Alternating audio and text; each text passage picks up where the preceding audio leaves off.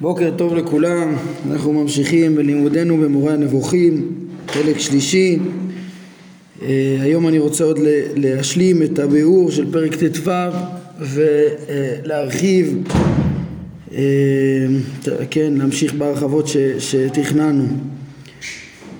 אה, פרק ט"ו, הרמב"ם מלמד בו מסר בעניין הדברים הבלתי אפשריים, הנמנעות, וראינו גם שהוא הוסיף אה, מסר על הגבולות של הנמנעות, איך הקושי לברר נמנעות מסוימות, כן? לגבי הנמנעות, הדברים הבלתי אפשריים, אה, הרמב"ם לימד איך אה, מוסכם ופשוט שיש דברים שהם אה, אה, בלתי אפשריים שלא מפעולת פועל והבורא לא מתואר, לא יתואר ביכולת עליהם וזה לא חיסרון בחוקו. אה, זה היה הטענה לגבי הדברים הבלתי אפשריים ולגבי הגבול שלהם אז ראינו שהרמב"ם סיים בפסקה 4 בנקודה למחקר מעמיק מאוד לנסות לברר איך, אה, האם אפשר ל- ל- ל- להכריע באמצעות השכל או, מחוץ, או, או עם איזה כלי מחוץ לשכל, איך אפשר להכריע בצורה ברורה אה, על, על אה, שאלות ששנויות במחלוקת בגבולות הנמנעות. כן, האם אפשר לפסוק בצורה חד משמעית ולהשיב לטענות ש... אדם יאמר שדבר הוא בלתי אפשרי ואחר יגיד שזה אפשרי אז, אז תוכל להוכיח לו שבמציאות באמת רק כן הדבר בלתי אפשרי נגיד ורק הדמיון אומר שזה אפשרי וכדומה. אה, אנחנו סיימנו על זה בשתי שאלות. הערנו פעם שעברה שצריך להשיב עליהן אה, שזה גם למה הרמב"ם אה, מביא לנו את הדיון כאן? מה, מה התפקיד של פרק ט"ו? זה בעצם נכון לגבי שתי הנקודות שאמרנו. גם למה הרמב"ם פה מדבר על, ה, על מציאות הנמנעות הדברים הבלתי אפשריים ו, ולמה הוא דן בגבול? שאלנו השארנו את זה קצת פתוח עוד למה הוא דן עכשיו בגבול של אה, הנמנעות? שזו הנקודה השנייה. וחוץ מזה אז אה, הוספנו עוד יותר אה, שאלה על, ה, על העניין של גבול הנמנעות שהרמב"ם בחלק ראשון שהוא דיבר אה, על הנחות המדברים בפרק ע"ג אז הוא כבר פסק שהשכל הוא זה שידחה את כל הדמיונות בענייני כל מה שהם חשבו שכל מדומיין הוא אפשרי והשכל הוא זה שיכריע מה, מה אפשרי ומה בלתי אפשרי. ופתאום פה הרמב"ם אה, משאיר את זה כאיזה נקודה עמוקה למחקר מעמיק שלא ברור שה, ש, שכל דבר פה יתברר באמצעות השכל. אז, אה, אז, אז כן, אז צריך להבין מה, מה קרה, מה, מה, מה, מה העניין של השינוי הזה. אז ככה, אני, אז אנחנו נתחיל מהבנה של, ה, של, ה, מקום של הפרק הזה אה, עם שני המסרים שבו ובמהלך של פרקי ההשגחה נסביר את זה ואז נוכל להשיב על השאלות האלה בעזרת השם. אה, כן, בשביל להבין את המקום של הפרק הזה במהלך פרקי ההשגחה אני חושב שכדאי עכשיו לעשות אה, סיכום בעצם של, מה שראינו בעצם מאז אה, פרק ח', כן? הנושאים שראינו מאז פרק ח', אה, פרק ח' הרמב"ם אה, לימד אותנו אה, שהרעות והחסרונות שיש במציאות הם מחמת החומר שקיים במציאות, כל ההיעדרים, כל החסרונות הם, כול, הם כולם מחמת החומר ולא מחמת הצורה, כן? שהסברנו, כאילו מלמעלה ניתן רק צורות, מהויות, אלא שכשהן מתממשות ב, ב, ב, בפועל, בברואים, פרטיים, אה, קונקרטיים, ממשיים, אה, אז, אז בעצם ההתגלמות הזאת, עם ההתגלמות הזאת תמיד כרוך חיסרון.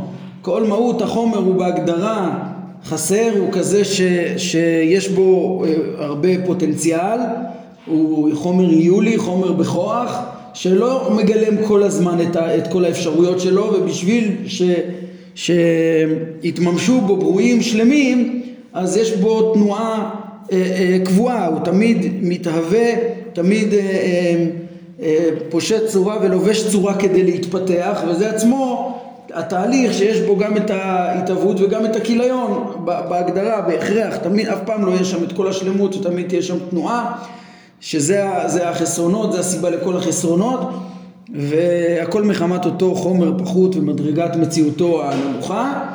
ואני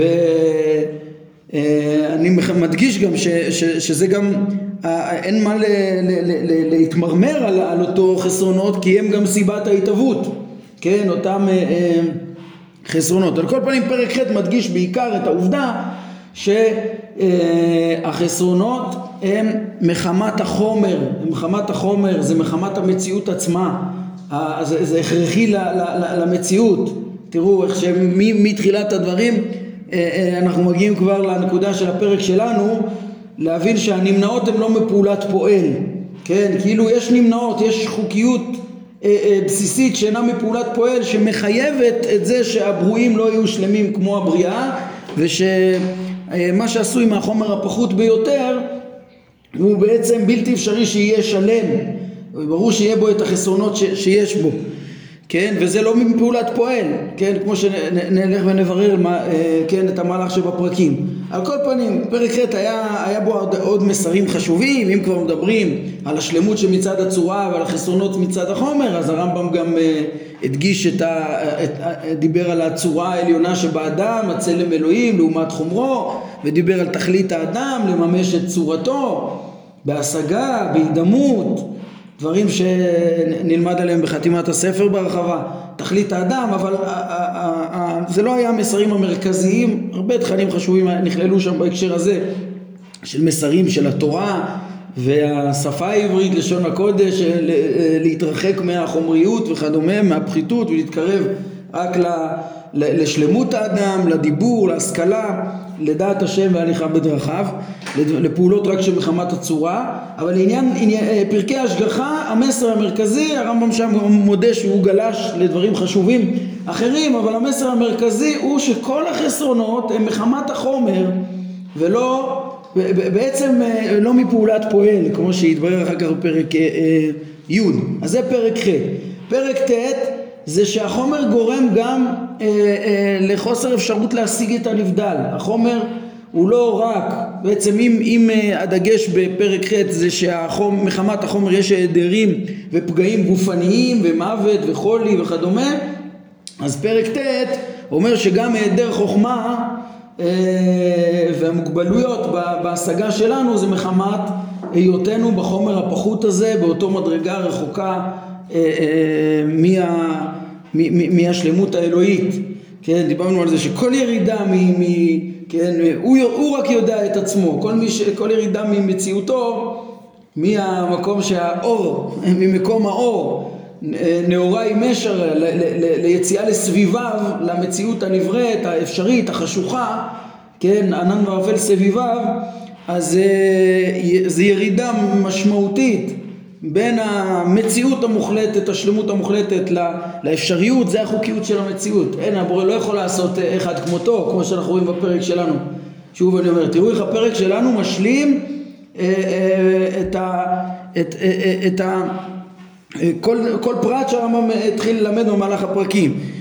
אז, אז שוב, בפרק ט' מתברר שגם ההשגה המאוד חסרה של האדם שהיא בהתחלה בכוח ולאט לאט יוצאת אל הפועל ואף פעם לא תשיג את הנבדל כפי שהוא וכולי זה בגלל היות היותנו אה, צורה מחוברת לחומר, כן? תכלית האדם בסוף זה האפשרות גם כן אה, לקנות אה, אה, קיום נצחי בהתעצמות הנפש בקיום מושכלה אה, קיום אישי פרטי שאז הוא מתנתק מהחומר ושם אתה פה עמוד עמדי וכולי זה גם דברים שהרמב"ם מדבר עליהם בפרק נ"א בתכלית האדם.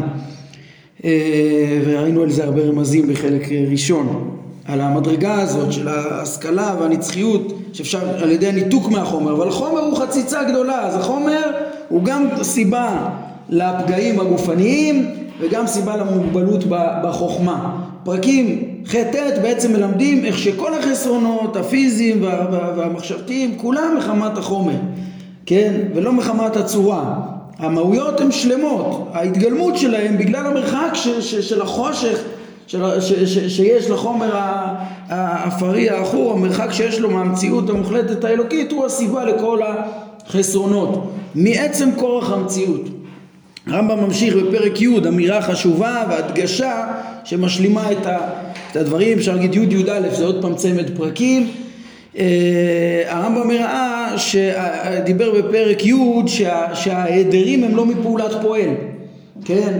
וכל הרעות הם היעדרים, כן? כל הרעות של החולאים וסיבות הפגעים והמיתות זה היעדר איזון זה תמיד אה, אה, ההיעדר זה הרע בעצם, הרע הדבק לחומר, שאותו אחד שאמרנו שהוא גם סיבת ההתהוות והוא טוב מאוד, המציאות היא טובה מאוד, כן? אבל סוף סוף אותו, אותו חיסרון הוא כלום, הוא לא דבר שאפשר לפעול אותו. כן, הרמב"ם תיאר בפרק י' איך כן אפשר לברוא רע, לברוא חושך, לברוא עדר, איך אפשר לפעול בחומר הקיים, שהוא בחומר הממשי, ולמשל לכבות את הנר, ממילא יישאר החושך, כן, שאמרנו שזה לשון בריאה, עין מעין, אבל זה בצורה עקיפה, אי אפשר לפעול בו בצורה ישרה, אי אפשר לייצר אותו כי הוא כלום, הוא כלום. אפשר לקלקל משהו, להפר סדר וממילא אז זה יכול להיות אילמות או עברות או משהו כזה, או להביא למציאות, מציאות שהיא לא שלמה. למשל הבורא ברא גם את החומר התחתון הזה של ארבע יסודות, כן? אף על פי שההיעדר דבק בו. וזה אה, וירא השם את כל אשר עשה והנה טוב מאוד עם המוות, עם החיסרון כי הבורא ברא פה מציאות מתקיימת שאיך הוא אמר טוב מאוד גם בפרק י"ג זה, זה, זה, היא מימשה את הכוונה היא באמת מתקיימת לנצח היא באמת יש בה את השלמות אה, אה, לכל נברא ונברא ומקסימום השלמות האפשרית כן? יחד עם זה שיש בה היעדרים שיש בה את המוות שיש בה את החסרונות שהפרטים מתחלפים כן? ולמה? כן? אמרנו, ברור שהבורא אחראי על כל מה שהוא בורא, זה לא שאין רע בעולם, יש רע בעולם, יש מציאות ש... שהיא לא שלמה והיא רק בתהליכים מתפתחים. אלא מה? שתכלית המציא...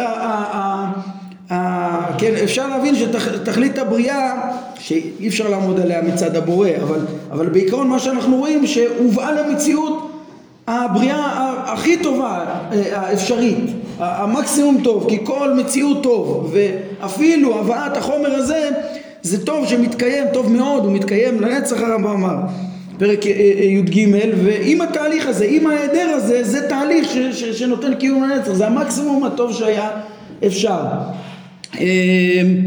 אז בעצם שוב פרק י' הוא מדגיש שאין דבר רע יורד מלמעלה כי מלמעלה יורד רק מציאות בעצם, כן, דרך, ה, אם, אם נעמיק בסתרי המציאות, סתרי מעשה בראשית, מעשה מרכבה, נדע שמאת הבורא שופע בהדרגה המציאות, דרך הזכלים נבדלים, שנותנים אחר כך צורות לגלגלים וצורות ומן הגלגלים עם שכליהם ונפשותיהם, שופע אחר כך צורות וכוחות למציאות, ומלמעלה שופע רק רק מציאות, וגם את החומר היולי הראשוני הבורא ברא, זה שדבק בו ההיעדר, ובסוף יש קיום אפילו במציאות הזאת, קיום מתמיד.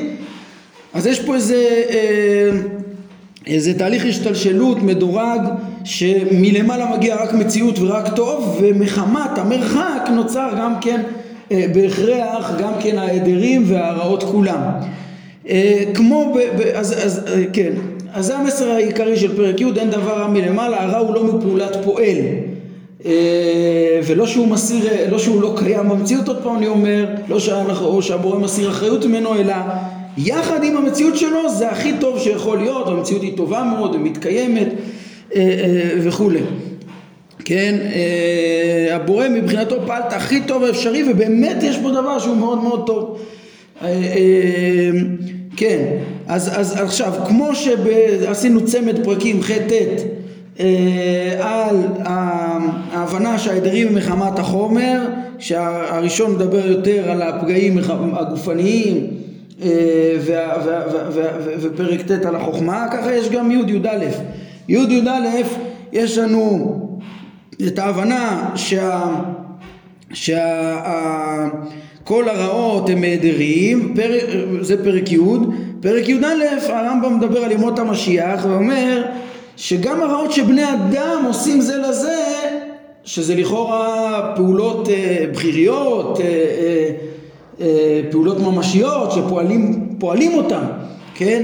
אבל, אבל הם כולם מהיעדר חוכמה, מבורות, כי כשתמלא הארץ דעה כבר לא יזיקו איש את רעהו כמו שהובטח בימות המשיח אה, כמו שאפשר להבין בהיגיון, שראש, כן, כל הנזקים אחד לשני זה הכל מבורות, ממאבקים מיותרים על משאבים אה, שבדרך כלל בכלל לא נצרכים, הכל משיבושי דעת ומה הצרכים ואיך צריך להסתדר ומה החשיבות של הדברים במקום להיות מרוכזים בהם ב, אם, אם היו מרוכזים במשאבים ההכרחיים כמו שהרמב"ם יגיד לנו פרק י"ב אה, לגבי הקיום בעולם הזה והיו מרוכזים בתכלית האדם, בדעת את השם, לא יהיה חסר לאף אחד שום דבר לקיום שלו ולא יצטרכו שום מלחמות.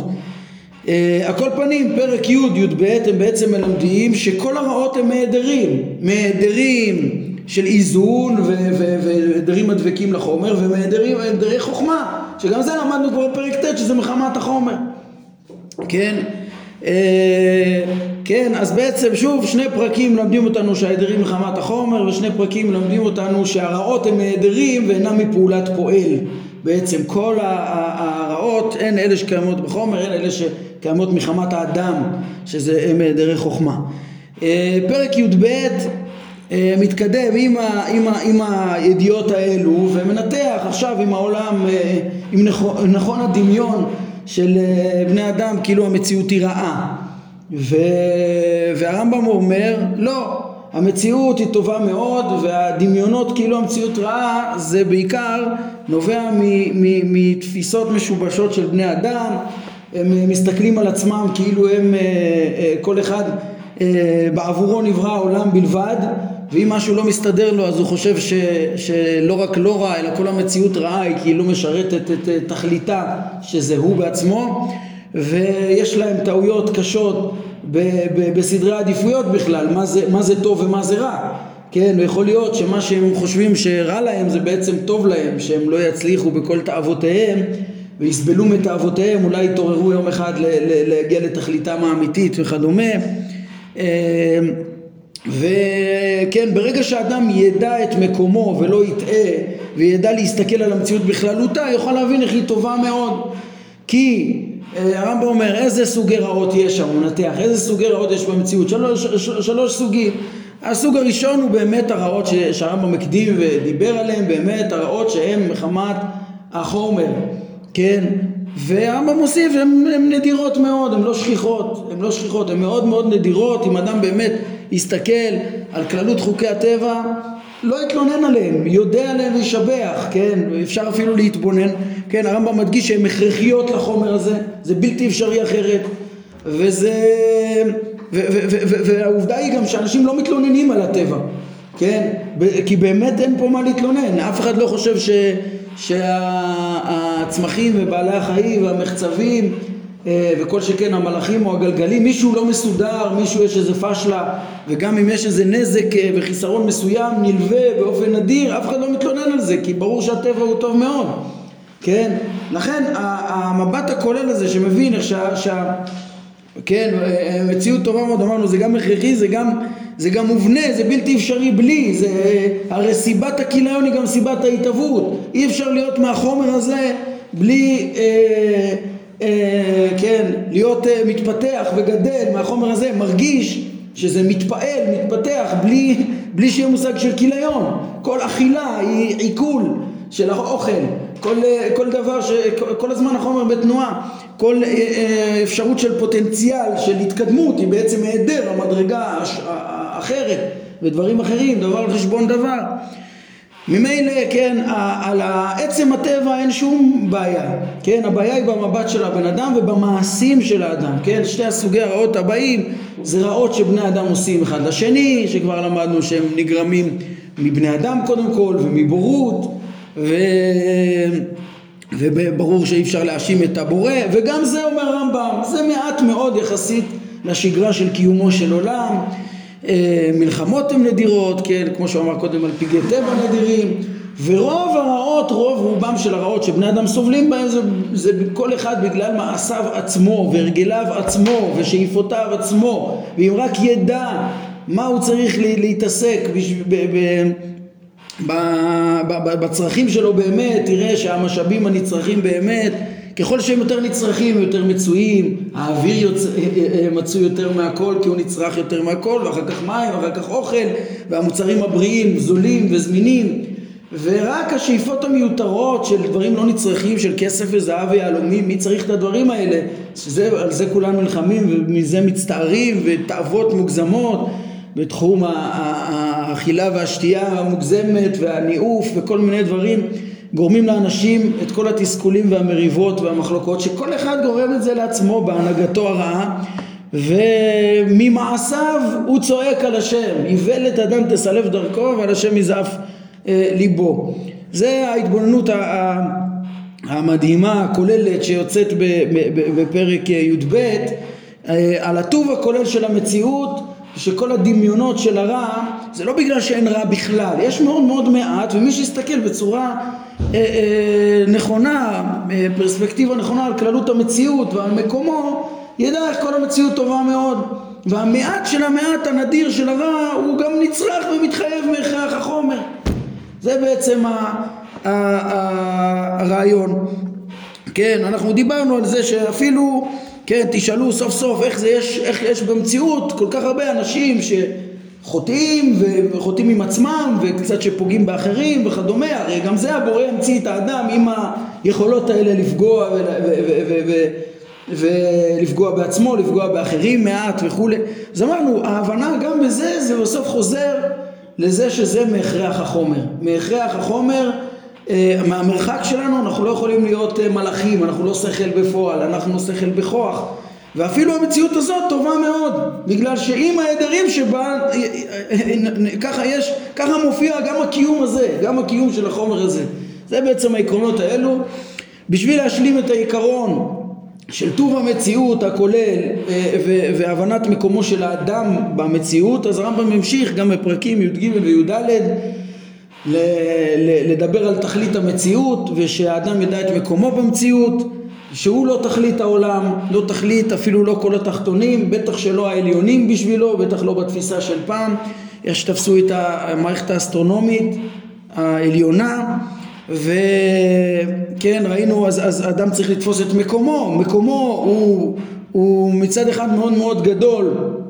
תמשילהו במעשה ידיך כל שעת תחת רגליו כן ותחסרהו מעט מאלוהים זה האדם עם הצלם אלוהים, הצורה הנכבדה, שהוא באמת למעלה מכל, השלם ביותר ממה שיש בכל מערכת ההתהוות והכיליון, שתחת גלגל הירח, ומקומו הוא טוב מאוד, ויש לו יכולת להגיע לקיום נצחי, ובאמת, את חסר מעט מאלוהים, מהמלאכים, מהמדרגות הקיימות, אה, וכל מה שהוא צריך יש לו, כמו כל בעל חיים, ועוד התוספת של השפע השכלי האלוהי המופלא שיש לו. אבל גם כן הוא צריך להכיר שהוא מציאות עם, עם ש, ש, צורה שחי הוגה שמתחיל בחומר. ומצד החומר שלו אז יש, יש לומר את המרחק שלו. אז זה בעצם אה, אה, הסיבה גם כן ל... אה, גם כן לחסרונות שלו, למוות שיש ולבורות שיש בהתחלה ולרעות שפוקדות אותו, לפעמים אפילו פגעים מולדים, לפעמים אפילו כל מיני אה, אה, קשיים שיכולים להיות. כן, אז אה, אז בעצם זה דברים שמתבררים בפרקים י"ג י"ד שמרחיבים את האמירה שכן בפרק י"ב הרמב"ם אמר שאדם ידע את מקומו ולא יטעה ולא ידמיין שכל המציאות בשבילו אלא מה? כל המציאות היא שלמות. כל דבר רצוי לעצמו כל פעם השם אה, אה, אה, למענהו. לכבודי ברתי והקדוש ברוך הוא אה, לעצמו ברא את זה. היינו אי אפשר לעמוד על הכוונה האלוהית הכוללת בהכל אבל גם כל פעל השם למענהו, גם למען עצמו, אבל גם למען כל נברא ונברא. אפשר לשים משקפיים, אפילו הפילוסופים ראו את זה, איך שהמציאות כולה היא שלמה בתכלית השלמות. שלמה בתכלית השלמות. אה, זה, זה, זה בעצם, אה, כל דבר הוא ממש אה, מקבל את הצורה ואת התכונות ואת המקסימום של היכולת קיום שלו וכל הצרכים שלו, כל בעל חי, כל צמח, כל דבר הוא במקסימום שלמות שיכול להיות.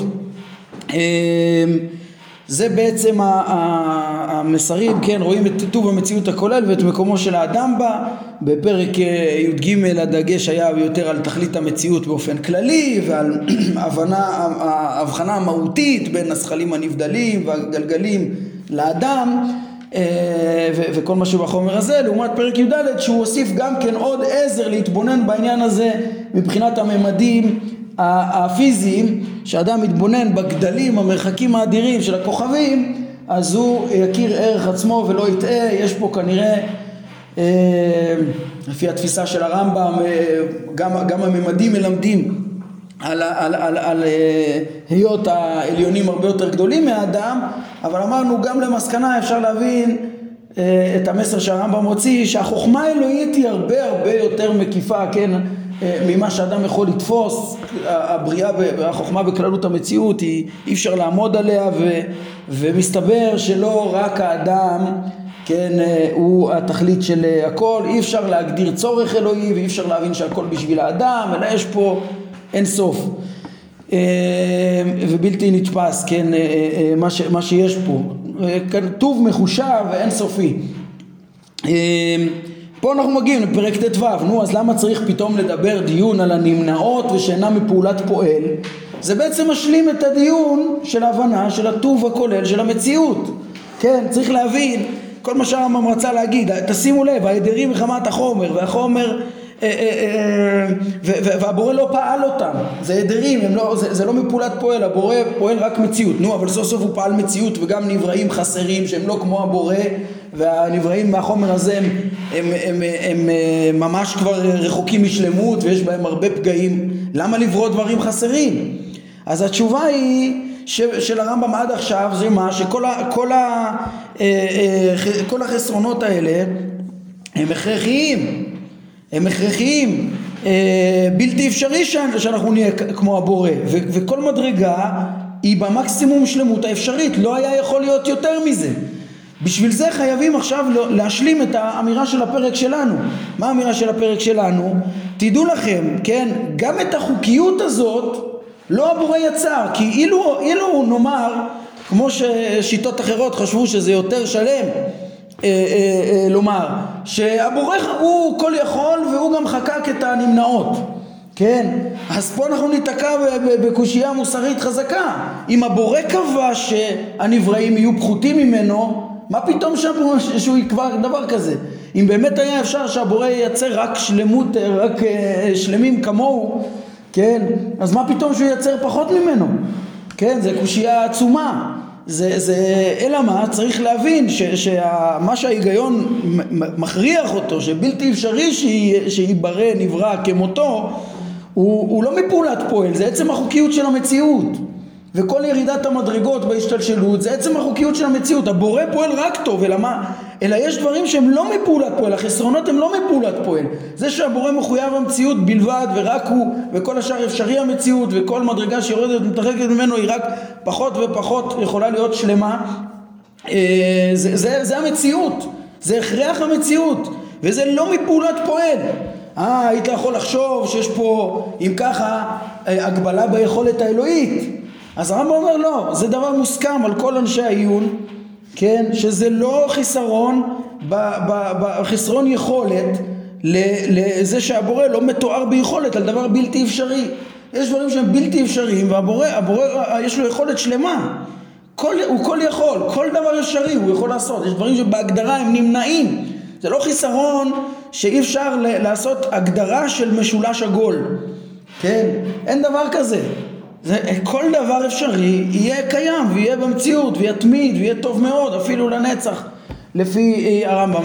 היכולת האלוהית היא אדירה, הרמב"ם מדבר על זה שהבורא הרי בחפצו ודווקא לפי אמונת החידוש בחפצו חידש את העולם ולא היה כפוי בשום דבר ובחפצו יכול להדיר את המציאות ובחפצו אפילו יכול לעשות ניסים, כן? בתוך, אבל הכל בתוך הגבולות של הנמנעות והמציאות היא הדבר הטוב ביותר האפשרי. אז פה הבנו, עד עכשיו הבנו את המהלך הכולל של טובה של המציאות, כן? והחשיבות של המסר המרכזי של הפרק, אפשר לקרוא לזה הראשון, של הצורך בהבנה שהנמנעות הן לא מפעולת פועל. כן? מה שנשאר לנו אז ליישב את השאלה, נשאר לנו רק ליישב את השאלה ששאלנו. אה, נו, אז מה הנקודה אבל של הדיון? אה, אה, הנוסף שהרמב"ם מוסיף בפרק, הנקודה השנייה של, ה, ש, ש, של הגבולות, השאלה של הגבולות של הנמנעות. ולמה הרמב"ם קצת שינה את, את, את היחס שלו לכאורה ממה שהוא אמר בפרק ע"ג ששם הוא אמר שברור שעם השכל נברר ולא עם הדמיון ופתאום פה הוא אומר שזה נקודה למחקר מעמיק אז אולי נתייחס גם לזה עכשיו בקצרה ואני רואה שעוד עוד, עוד מעט הרחבות אה, אה, על אה, הגישה של הרמב"ם אה, הכוללת שעכשיו מתבררת מול עינינו אה, להסביר אותה, להסביר את השלב שאנחנו רואים בפרקי ההשגחה. קצת מבט יותר כולל גם כן על משנת הרמב"ם לעומת גם שיטות אחרות זה נצטרך בעזרת השם בפעם הבאה. אני רק רוצה עכשיו להתייחס בקצרה לענות על השאלות שפתחנו בהן זה, וזה נסיים להיום מה הנקודה של הדיון הזה שעכשיו השתכלל אה, אה, של הדיון על, על, על הגבולות אה, של הנמנעות אז צריך לדעת זו נקודה עמוקה שהרמב"ם פה כאילו רק רומז אותה ולא מפרש אותה הרבה אבל אבל, אבל, אבל צריך, לדע, צריך להבין אותה. הנקודה היא ש, שבעצם אנחנו, מה אנחנו מבינים פה ממהלך הפרקים? שהרמב"ם רוצה להסביר שהמציאות היא הדבר הכי טוב שיכול להיות. כן, ובעצם בלתי אפשרי היה לייצר נגיד חומר ש, של אדם שאדם לא ימות ושלא יהיה בו מחלות ושלא יהיה את המעט פגעים שקיים במציאות, כן? אבל כשאנחנו בתור מאמיני החידוש אז אנחנו, אם באמת אנחנו, אם היינו פילוסופים זה באמת ככה, ככה פילוסופים אומרים שהמציאות היא המקסימום שלמות האפשרית ובלתי אפשרי לשנות כלום ממנה, ראינו פרק כ"ב בחלק שני, הרמב"ם אמר בביקורת חריפה נגד הפילוסופים, נגד אריסטו, פרק כ"ב פסקה 12 הוא אומר לפי אריסטו הבורא לא יכול להאריך כנף הזבוב או לקצר רגל תולעת, הוא חסר יכולת לחלוטין, אין יכולת לשנות כלום, כן? ולפי, אמנם, אמנם אריסטו ישיב על זה, מה אריסטו, אריסטו ישיב על זה? הוא אומר כן זה מן, מן הנמנעות הבורא לא יתואר ביכולת על הדבר הזה כי זה מן הנמנעות כי הרי הוא לא יכול להשתנות הוא לא יכול להשתנות והוא חכם ומחוכמתו נובעת המציאות השלמה ביותר ואי אפשר לשנות את חוקי הטבע המוכרחים האלה זה התשובה של אריסטו אבל הרמב"ם ביקר אותו בחומרה ואמר לא, לא כך, לא כך ופה השיטה של הרמב"ם היא מאוד מאוד עמוקה כן, אה, אה, אה, הבורא עושה כל דבר בחפץ וחופשי. אה, הוא חופשי? איך זה מסתדר? אז מה, אז הוא, הוא עושה, כן, הוא חידש את העולם ברצונו, הוא יכול להדיר אותו ברצונו, הוא מחדש חוקי, חוקי טבע, חוקי טבע אצל הפילוסופים הם מחויבים, אבל, אבל אנחנו לפי אמונת החידוש באמת הכל מחויב, באמת בלתי אפשרי שיהיה טוב יותר, הרי הבורא יכול לשנות את החוקים שהוא יצר כן? כמו שהרמב"ם אומר שם, וחלילה להגיד שהוא חסר יכולת אפילו על הדבר הכי קטן בעולם, כן? חלילה אצל הפילוסופים, אנחנו נראה בהמשך הפרקים גם אצלנו אה, בעניין הידיעה, בעיקר פרק כ', אה, אה, כן, מיד ט"ז כבר קצת הרמב"ם יעסוק בזה, אבל הפתרון העיקרי בפרק כ' ש, שהם שללו ממנו את הידיעה ואת ה, את הידיעה בפרטים, כאילו הכל, הוא לא יודע את כל העולם השפל, ואת היכולת, את ההשגחה ואת הרצון, כאילו, כאילו הכל, הכל סטטי, הכל מוכרח. לפי, לפי הרמב"ם אומר נכון, דבר אחד הבינו נכון הפילוסופים, שהבורא לא משתנה, כן? אבל הם לא ידעו את הפתרון הכל כך עמוק, דיברנו עליו גם בחלק שני פרק י"ח, איך יכול להיות גם כן שהבורא לא מוכרח בכל מה שהוא עושה. הפילוסופים אמרו דבר נכון שאין דבר שהבורא יעשה בלי חוכמה, שלא יתחייב מחוכמתו. אבל הם פספסו את ה... שהם הגבילו אותו והגבילו את החופש שלו ולא הבינו שזה גם חופשי. איך הדברים האלה הולכים ביחד? זה פרט שאנחנו לא יכולים להשיג אותו. הרי אנחנו לא יכולים להשיג את העצמות האלוהית ולכן לא את ידיעתו ולא את רצונו שגם בפרק י"ג הרמב"ם אמר שהוא עצמותו כן, אי אפשר להשיג את העצמות האלוהית, לא את הידיעה האלוהית, איך באמת לא נעלם מאיתו דבר, אנחנו מגדירים את זה רק על דרך השלילה כי אי אפשר להגדיר אותה, יחד עם זה שהפרטים משתנים והוא לא משתנה. אנחנו, כן, ואיך אה, נראה איך הידיעה שלו מקיפה את האינסוף, ואיך היא אה, יודעת פרטים משתנים, ואיך היא כוללת את ההדרים, ההדרים, כן, הפוטנציאלים של הדברים, כל דבר הידיעה יודעת והבורא פועל את המציאות ברצון אה, ויכול גם כן לשנות אותה וגם דברים אה, אה, ניסיים הם אפשריים. כן, איך, אז, אז, אז הדברים האלה הפילוסופים לא הבינו איך אפשר להגדיר, את, שצריך להגדיר הכל על דרך השלילה ולא, ואי אפשר לעמוד על, על ידיעתו וכוונתו, רצונו והשגחתו, כן, כל הדברים האלה צריך להגדיר אותם על דרך השלילה וזו נקודה באמת עמוקה, באמת, אה, אה, אבל תבינו שלענייננו זה, זה, זה, זה, זה, זה, זה מחייב עיון מחדש קצת בטענה של הפרק. למה? כי, כי לבוא ולהגיד, טוב תראו, עם כל, כל המוגבלויות שיש שם רק מצד החומר והבורא לא היה יכול לעשות אחרת ולכן המציאות שלמה ביותר. זה טענה פילוסופית, לפי הפילוסופים זה די קל, אה, כל, כל החסרונות מוכרחים. אבל לפי שיטתנו שאנחנו הרמב"ם מביא פה אנחנו מתווכחים עם הפילוסופים אנחנו אומרים גם יש מאין אפשרי. גם האדרת המציאות אפשרית גם ניסים אפשריים גם, גם שינוי חוקי הטבע אפשרי. אז איך אנחנו יכולים לומר שה, שהמציאות היא הכי טובה האפשרית הכי טוב שיכול להיות? כן הבורא יכול מה אדם חייב לאכול? הנה משה ארבעים וארבעים אה, לילה לחם לא אכל מים לא שתה הוא יכול להתקיים עם הגוף, גם אה, בלי אכילה ושתייה. כן, אז פה נכנס תחום מאוד מאוד עמוק של האופן של התיאום בין החוכמה האלוהית לבין הרצון האלוהי. ובעצם צריך להבין עדיין העיקרון, הרמב"ם נשאר עם העיקרון הזה של שהמציאות היא הכי טובה שהיה יכול להיות. אבל לא רק מחמת הנמנעות, כאילו הבורא, באמת בלתי אפשרי שנעשה אחרת את, את המציאות. חייב שיהיה את החסרונות האלה. למה? אבל לא, לא חייב מצד שנמנע אחרת, כי עובדה, יכול להיות נס. יכול להיות שהבורא ישנה את החוק שהוא, שהוא יצר. אלא מה? יש לרמב"ם ביטוי מדויק לעניין הזה בפרק כ"ה, פסקה 11, כן? אה, הרמב"ם אומר שכל, ש, שכל הכוונה היא להביא למציאות את כל מה שמציאותו אפשרית כפי שאתה רואה. העיקרון הוא שהמציאות, כל מציאות טוב והבורא המציא את הכי טוב, אומר את העיקרון הזה, כן? והוא מוסף, הוא אומר, וכל מה שלא נמצא ואינו כך, לא, לא כמו שהוא במציאות, היית חושב שיותר טוב שיהיה שאנשים יחיו לנצח, כן?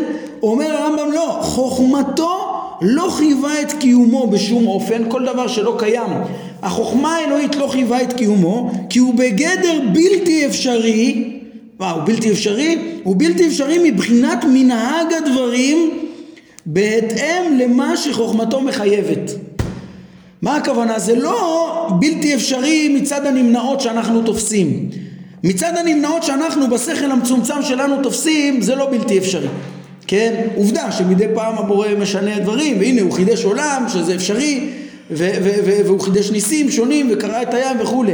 מבחינת השכל המצומצם שלנו זה דברים שאפשרי אחרת, אבל מבחינת החוכמה האלוהית זה אה, אה, אה, בלתי אפשרי אחרת. זה הכי חכם שיש, הכי טוב שיש, לא יכול להיות יותר טוב. ומבחינת מנהג הדברים בהתאם למה שחוכמתו מחייבת, לא בהתאם לנמנעות המוחלטות שגם אנחנו תופסים, אבל בהתאם למה שחוכמתו מחייבת, בלתי אפשרי אחרת. כן, זה מצד החוכמה.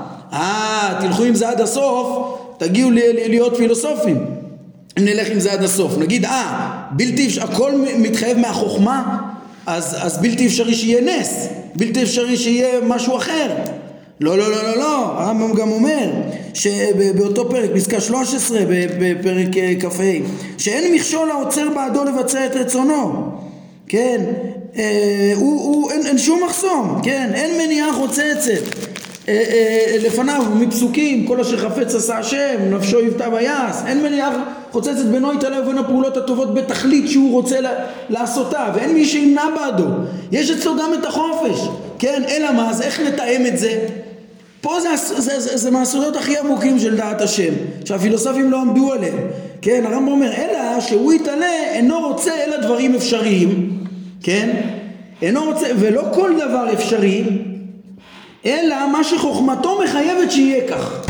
עכשיו תשימו לב, צריך לעמוד פה אה, אה, על ההבנה, כן, הנמנעות, אנחנו לומדים בפרק שלנו, שהן לא מפעולת פועל, כן, וגם לא היה אפשר שהבורא ירצה משהו אחר. וזה לא חיסרון, זה ביחס לנמנעות. אבל חוץ מהנמנעות, מה שהעלינו עכשיו, כל החוקיות שהבורא, שהבורא אה, אה, ברא אותה, כן? תיאורטית היה אפשר שירצה שונה, כן? הוא, הוא יכול לעשות גם ניסים, יכול לחייב חוקים אחרים, אבל בפועל הרצון שלו מתאים לחוכמה. הוא רוצה רק דברים אפשריים, ולא כל דבר אפשרי.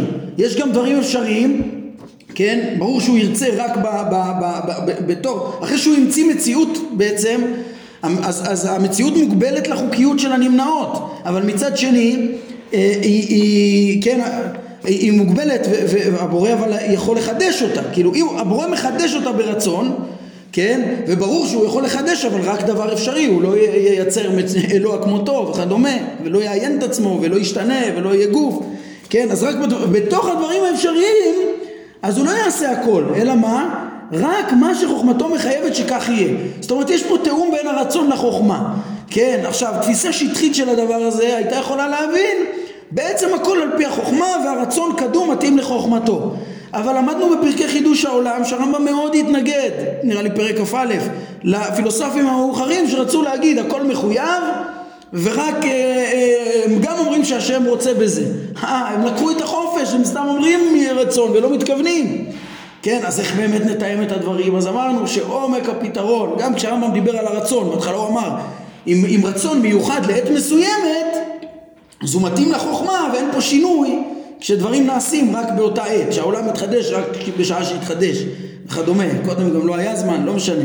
על כל פנים, אה, אה, הנקודה יותר עמוקה, ראינו פרק י"ח במאמר אה, שני, ועוד נראה את זה בפרק כ' פה. הנקודה היא שצריך שגם חוכמה וגם רצון זה דברים שצריך לדבר עליהם במקומות שונים כי, כי, כי ודאי שהבורא לא מוכרח וודאי שהוא לא עושה דבר בלי תכלית. הנושא של פרק כ"ה זה תחילת טעמי מצוות, זה להבין שלכל פעולה אלוהית יש תכלית.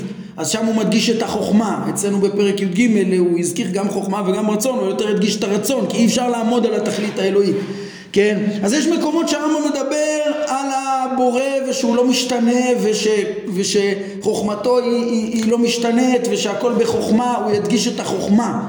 אנחנו נראה עוד כמה, בעצם כמה בפרקי ההשגחה פה, מה הדגש על החוכמה. אם בפרקי חידוש העולם היה דגש על מה? על הרצון, כן, הרצון האלוהי, וגם שם הרמב"ם לימד, אבל זה מתאים לחוכמה. הקשו הפילוסופים, אם, אם מציאות טוב, למה המציאות לא תמיד הייתה? לדעתם הכרחי שתמיד תהיה מציאות. אמר הרמב"ם לא, זה אולי בחוכמה הקטנה המצומצמת שלנו, אולי. אבל, אבל צריך להבין שהחוכמה האלוהית חייבה שהכי טוב זה דווקא לחדש את המציאות מן העין, אחר ההיעדר. אי אפשר לעמוד על החוכמה, הרמב"ם חוזר על זה גם בפרק כ"ה פה, על העיקרון הזה, שכמו שאי אפשר להבין את. את ה כן, את הכל עשה אה, אה, אה, יפה בעיתו. אי אפשר לעמוד על התכלית של הבורא בבריאת המציאות ואי אפשר להשיג את חוכמתו וככה גם אי אפשר להבין את, את, את, את החוכמה למה העולם מחודש ולמה יש ניסים רק בזמנים מסוימים וכולי, ומהו מנהג הדברים, זה חוכמה אבל, אבל שהיא מחייבת את הכל, כי אין פה דבר לבטלה ואין פה דבר לא הכרחי, ומכאן עומד גם היסוד שלנו, היסוד שלנו שאומר מה? ש, שאפילו אה, אה, מה שבעינינו נראה שהם דברים, אפשר להתווכח האם הם הכרחיים או לא, או לפי אמונת החידוש יש דברים שברור לכאורה שהם לא בכלל הנמנעות, הם אפשריים, אבל גם הם בלתי אפשרי לעשות אחרת, מצד מה? מצד מנהג החוכמה אה, אה, אה, כמו ש, ש, שאמרתי ושאומר פה, ציטטתי מפרק כ"ה, מבחינת מנהג הדברים בהתאם למה שחוכמתו מחייבת. כן, יש גם מעין זה ביטוי אצלנו בפרק. כן, דייקנו בפסקה 1, בסוף פסקה 1, שהרמב"ם תיאר, אה, כן, שיש נקודות שמתווכחים אם הן אפשריות או לא, אז חלק מאנשי העיון מתארים אה, שטוענים על דברים מסוימים שהם בלתי אפשריים ואין יכולת, אין לתאר את האל ביכולת על זה ואחרים אומרים שהוא מקטגוריית האפשרי, סוף פסקה 1, שיכולת האלוה קשורה בהבאתו למציאות כיצד שיחפוץ כן, כאילו יש תחום כזה שהוא אפשרי והבורא יכול לעשות בו מה שיחפוץ. כן, רואים את אותו תחום אבל בסוף אותו תחום גם בו יש את הבלתי אפשריות בהתאם לחוכמה. עם העיקרון הזה שהסברתי עכשיו בעצם מתברר כל התפקיד, ש... מתבררות שתי השאלות שפתחתי בהן, בזה אני מסיים ממש, בעצם מתברר התפיסה יותר מעמיקה וכוללת לפי אה, הרמב"ם, כן, אה, אה, אה, בעצם שהמובן הגבולות גזרה של, ה, של הנמנעות שהן לא מפעולת פועל ומובן שאפילו דברים שהם לכאורה אפשריים אבל, אבל הבורא לא עשה אותם יותר טוב, זה בעצם גם בלתי אפשרי מצד חוכמתו שאנחנו לא יכולים לעמוד עליה, כן? ו, ושאלתי אבל, נו, אבל, אבל סוף סוף למה לדון בגבולות של הבלתי אפשרי, כן? למה לדון פה? התשובה היא כי כדי להסביר שהמציאות היא הכי טובה שיש צריך להבין ש, ש, שכל מה שקיים במציאות וכל הרעות הן בלתי אפשריות כן? וצריך להבין, הרי הבורא מצד אחד חידש את המציאות ולכאורה היה יכול להיות לטעון שזה אפשרי, אבל צריך להעמיק מאוד, אולי יש דברים שהם בלתי אפשריים מצד החוכמה. כן? חייבים להבין בסוף שכל החסרונות בלתי אפשרי היה לפחות מצד מן, מה שמחייב את החוכמה ש, ש, ש, שיהיו. כן? ולגבי השאלה השנייה, כן, ולמה, ולמה הרמב"ם שינה, גם כן עכשיו מתברר, מה, למה הרמב"ם קצת שינה את היחס בין אה, אה, אה, כן, מה שהוא קבע בהתחלה, השכל יגדיר מה, מה, מה אפשרי ומה לא, ופתאום עכשיו הוא אומר לא, אם מעמיקים יותר לא מספיק השכל. כן, אז זה בעצם האמת שביחס לשאלה הזאת, אם מדייקים בדיוק בהקדמה העשירית, בהנחה העשירית של המדברים פרק ע"ג, אז הרמב"ם האמת שהוא עצמו, הוא לא דחה אותם שם מכל וכול. צריך לדייק בדיוק מה המחלוקת של הרמב"ם אה, עם המדברים. כן, בסוף אה, ההנחה העשירית שם, פסקה 54, הרמב"ם אומר בעניין זה של האפשריות יש לי דברים שעוד תשמע בכמה פסקאות בחיבור זה אין זה דבר שניתן למהר לדחות אותו כולו כלאחר יד ככה הרמב"ם אומר שם. ואנחנו כבר דיברנו על זה בפרקי חידוש העולם שראינו שגם לפי הרמב"ם כל החוקיות של המציאות היא אפשרית. הבורא חידש אותה, הבורא יכול להדיר אותה. כן, הוא לא דוחה אותה מכל וכול צריך להבין שההתנגדות שלו כלפי המדברים ההתנגדות שלו היא, היא, היא קודם כל במקומות שהם ממש אמרו שטויות, כן, נגיד אה, בדוגמאות של נמנעות נמנעות אמיתיים, גיאומטריים למשל, מה שהם דיברו על אה, ש, ש, שהאורך האלכסון של הריבוע יהיה שווה, הוא שווה לצלעו לפי ההנחה של החלקיקים שלהם. אז זה פשוט שטות, הרמב"ם אמר יש דברים שהם נמנעות שהשכל מחייב אותם ובאמת שם צריך לשלול את הדמיון, מה הבאנו את הדוגמה אתמול של ההיפרבולה וכדומה ושם הם באמת אמרו שטויות, חייבים לדחות אותם כן, רק, רק, רק אה, אה, אה, אפשר להתווכח עם הדברים האלה רק בגלל בורות או עיקשות. או עיקשות, כן, הם מנסים להעמיד את, ה, את המסקנות הדתיות שהם רוצים לתמוך בהם וממציאים את המציאות בהתאם לזה, כן, ו, ובסוף נוגדים דברים שאפשר להוכיח בהיגיון, במתמטיקה, בלוגיקה, זה, זה פשוט בור, רק בורות ועיקשות מביא, לתרץ את, הצרכים הדתיים שלהם, אה, הביאו אותם לכל מיני דברים כאלה, כן? אז אני חושב שאת האמירות החריפות שצריך ללכת אחרי השכל לעומת הדמיון זה קודם כל בבירור המושכלות המוכחות, כן? זה, זה מה שהוא אמר, ככה צריך להבין את הדברים שלו בפרק ע"ג, כן? וכמו ש... אה, ו, ו, כן, השלב הבא זה גם כל מה שהם התנגדו שם לטבע המציאות כן, השלב הבא של הוויכוח זה מה שהסברתי עכשיו באריכות, זה שאיך להתייחס לחוקי הטבע. אצלם אין חוקי טבע. חוקי הטבע הם לא כולם, לפי הפילוסופים הם מחויבים, לפי שיטתנו הם לא מחויבים, אנחנו מודים בהם, אלא מה שהם רצו לבטל את כל חוקי הטבע ולהניח שהבורא בורא את המציאות כל הזמן הם חלקיקים ואז יש בורא ויש חידוש העולם, להניח ככה את המבוקש. הרמב"ם אומר הרסתם את כל היסודות של ההיגיון, זה לא נכון. יש טבע, אתם צודקים שהוא לא מחויב לגמרי, אבל הוא מחויב בהתאם לחוכמתו שמחייבת את מנהג הדברים. ככה צריך להבין את זה. זה שהעולם מתחדש זה מחויב בהתאם לחוכמה. אה, זה לא עד הסוף מחויב, כי יש גם את החופשיות של הרצון, ואי אפשר לעמוד על, ה, על השילוב הזה. אני טוען שזה מהנקודות העמוקות ש, ש, ש, שעליהם דיבר הרמב"ם בסתירה השביעית. כן, סיבת הסיבה השביעית של הסתירות, ש, שהרמב"ם לפעמים צריך לדבר על, על זה שהבורא הוא לא משתנה, כן, והכל מחויב, והכל מתאים לחוכמתו, ולפעמים צריך לדבר על רצונו ועל השגחתו, וצריך לדאוג שלא תשימו לב שהדברים סותרים, או להגיד תירוצים חלקיים שהחוכמה מתאימה, מתאימה לרצון. אבל העומק שהוא הגיע אליו רק במקומות מסוימים בחיבור, ב' י"ח, ג' כ' וכדומה, או א' ס"ט, שהוא אומר שבשיא סוגיות התארים שאי אפשר להגדיר את העצמות ומגדירים רק על דרך השלילה, משם אפשר להבין להאמין שיש ידיעה ויש, ויש, ויש כוונה אה, ויש רצון והדברים לא סותרים. ויש חופש ויש חוכמה. רק שאנחנו לא יכולים לעמוד על זה ולא יכולים לעמוד על החוכמה האלוהית. כן אז ככה זה גם הטבע הזה. הטבע הזה אנחנו אומרים יש חוכמה גם יש חוכמה לא כמו המדברים. לכן הוא לא יכל להישאר רק עם הביקורת שלהם בנושא של האפשריות. כמו שכבר שם הוא עשה. אפשר להתווכח איתם לגבי הנמנעות המוחלטות זה ודאי, ממש טעויות, שטויות, כמו שהוא הביא גם בפרק שלנו, את הדוגמה שהם טענו שיש מקרה איכות בלי נושא, כן?